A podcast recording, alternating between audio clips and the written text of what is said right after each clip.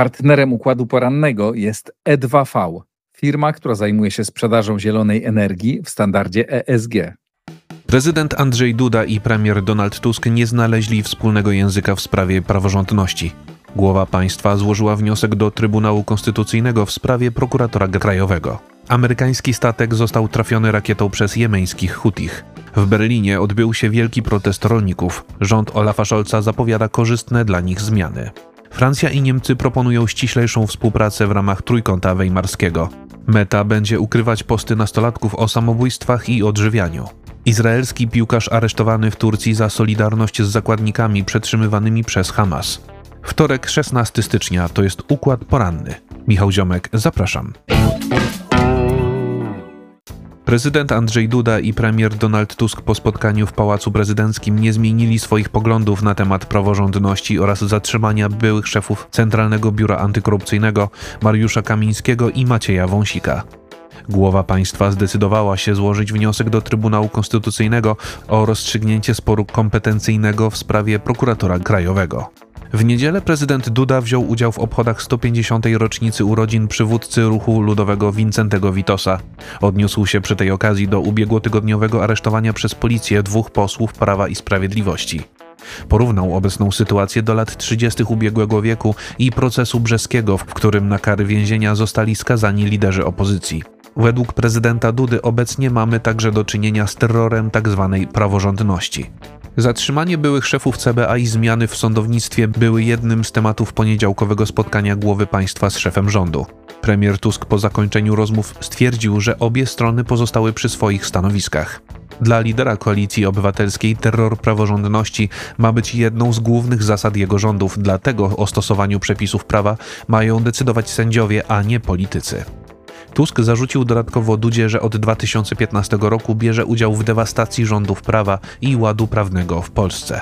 Prezydent jeszcze przed spotkaniem z premierem przyjął w Pałacu Prezydenckim prokuratorów zaniepokojonych zmianami w prokuraturze krajowej. Duda skrytykował rządzących za brak konsultacji w sprawie odwołania dotychczasowego prokuratora krajowego Dariusza Barskiego, który decyzją ministra sprawiedliwości Adama Bodnara został zastąpiony przez pełniącego obowiązki Jacka Bilewicza.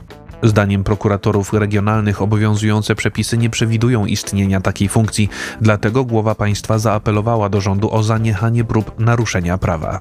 W poniedziałek kancelaria prezydenta poinformowała o złożeniu wniosku do Trybunału Konstytucyjnego, który ma rozstrzygnąć spór kompetencyjny między prezydentem a premierem i prokuratorem generalnym.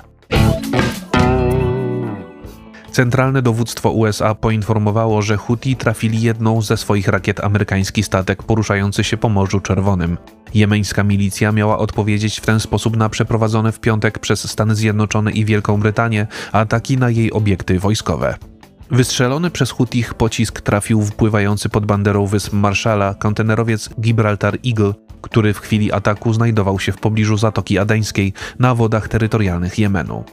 Według Centralnego Dowództwa USA załoga statku nie zgłosiła żadnych uszkodzeń, dlatego kontynuuje swoją podróż. Jemeńska milicja przyznała się do wystrzelenia kilku rakiet w kierunku amerykańskiej jednostki. Houthi zapowiedzieli, że po atakach Amerykanów i Brytyjczyków na należące do nich obiekty będą uważać wszystkie amerykańskie oraz brytyjskie statki za wrogie cele.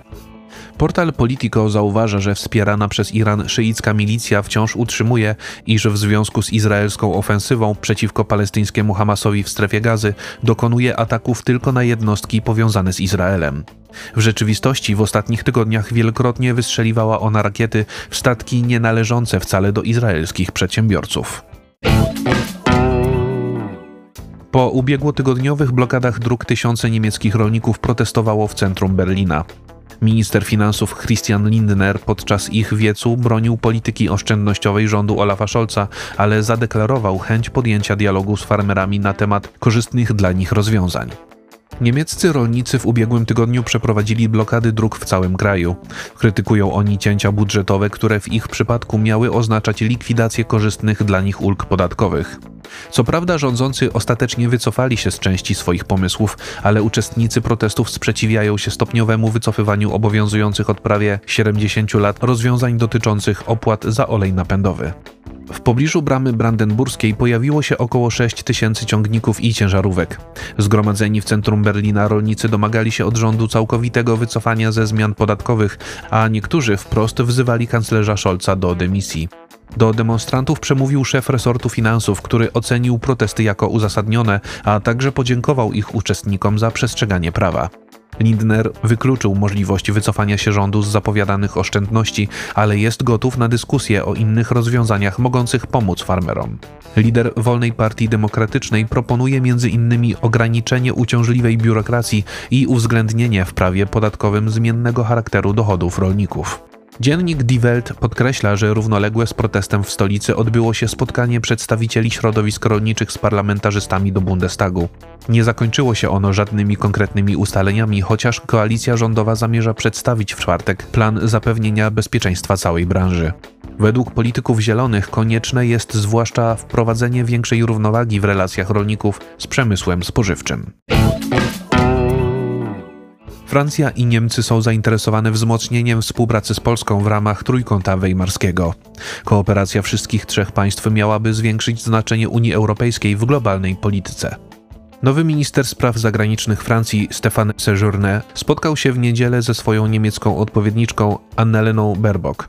Oboje ogłosili, że opowiadają się za ożywieniem i wzmocnieniem współpracy z Polską w ramach Trójkąta Weimarskiego, który, jak przypomina portal Euractiv.pl, od czasów utworzenia w 1991 roku nie rozwinął się nigdy na miarę oczekiwań.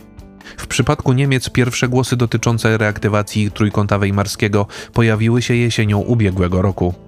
Opozycyjna Unia Chrześcijańsko-Demokratyczna w swoim manifestie stwierdziła, że współpraca Berlina z Paryżem i Warszawą może mieć pozytywny wpływ na globalne znaczenie Unii Europejskiej. Za ożywieniem formatu przemawiał dodatkowo powrót Donalda Tuska do władzy w Polsce. Trójkąt Weimarski był tematem spotkania Sejourné z ministrem spraw zagranicznych Radosławem Sikorskim. Wizyta szefa francuskiej dyplomacji w Warszawie była ponadto poświęcona dalszej pomocy dla Ukrainy oraz europejskiej polityce bezpieczeństwa. Meta zamierza ukrywać w swoich mediach społecznościowych posty nastolatków na temat samobójstw oraz odżywiania. Właściciel Facebooka i Instagrama zdecydował się na zmiany z powodu coraz częstszych pozwów sądowych. Zgodnie z dotychczasową polityką popularnych portali społecznościowych, nieletnim użytkownikom nie wyświetlano udostępnionych postów związanych z samobójstwami, samookaleczeniami oraz zaburzeniami odżywiania. Teraz nie będą one pojawiać się nawet na kontach, które są obserwowane przez nastolatków.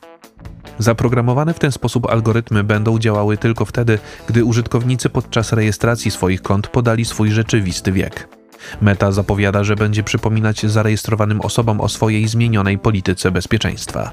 Bardziej restrykcyjne rozwiązania są odpowiedzią na rosnącą liczbę pozwów sądowych przeciwko właścicielowi Facebooka i Instagrama. Coraz częściej Meta jest krytykowana za działania uzależniające młodych ludzi od jej platform społecznościowych, a także o przyczynianie się do pogorszenia stanu zdrowia psychicznego nieletnich. Zdaniem byłego członka zarządu firmy Arturo Behara, technologiczny gigant był w pełni świadomy, że do nieletnich trafiały szkodliwe treści. Według rozmówców stacji Euronews firma już dawno mogła wprowadzić zapowiedziane obecnie ograniczenia, dlatego pojawia się pytanie, z jakiego powodu nie uczyniła tego wcześniej. Występujący w tureckiej lidze izraelski piłkarz Sagif Jeskiel został zatrzymany przez policję za okazanie solidarności z zakładnikami przetrzymywanymi przez palestyński Hamas. Zawodnika zwolniono już z aresztu, ale jego dotychczasowy klub rozwiązał z nim kontrakt. W niedzielę Jeskiel zdobył bramkę w meczu ligowym swojego Antalya Sporu. Ciesząc się po golu, pokazał bandaż na swojej ręce, na którym widniał napis nawiązujący do daty ataku Hamasu na Izrael, a także do studni przetrzymywania zakładników przez palestyńskie ugrupowanie. Po spotkaniu reprezentant Izraela został zatrzymany przez policję w związku z podżeganiem do nienawiści. W poniedziałek zwolniono go z aresztu, dzięki czemu mógł powrócić do ojczyzny. Zarząd Antalya Sporu rozwiązał z nim kontrakt, zarzucając działanie wbrew interesom Turcji. Już wcześniej Jeskiel miał problemy z powodu zbojkotowania minuty ciszy poświęconej ofiarom izraelskich ataków na strefę gazy. Turcja od początku wojny w strefie gazy ostro krytykuje Izrael. Prezydent Recep Tayyip Erdoğan nie wahał się nawet porównać izraelskiego premiera Benjamina Netanyahu do Adolfa Hitlera. Informacje przygotował Maurycy Mietelski, nadzór redakcyjny Igor Jankę. Jeżeli podoba się Państwu nasza praca, serdecznie zachęcam do wsparcia Układu Otwartego w serwisie patronite.pl. To wszystko na dzisiaj. Bardzo Państwu dziękuję za uwagę i do usłyszenia w kolejnym Układzie Porannym. Partnerem układu porannego jest E2V, firma, która zajmuje się sprzedażą zielonej energii w standardzie ESG.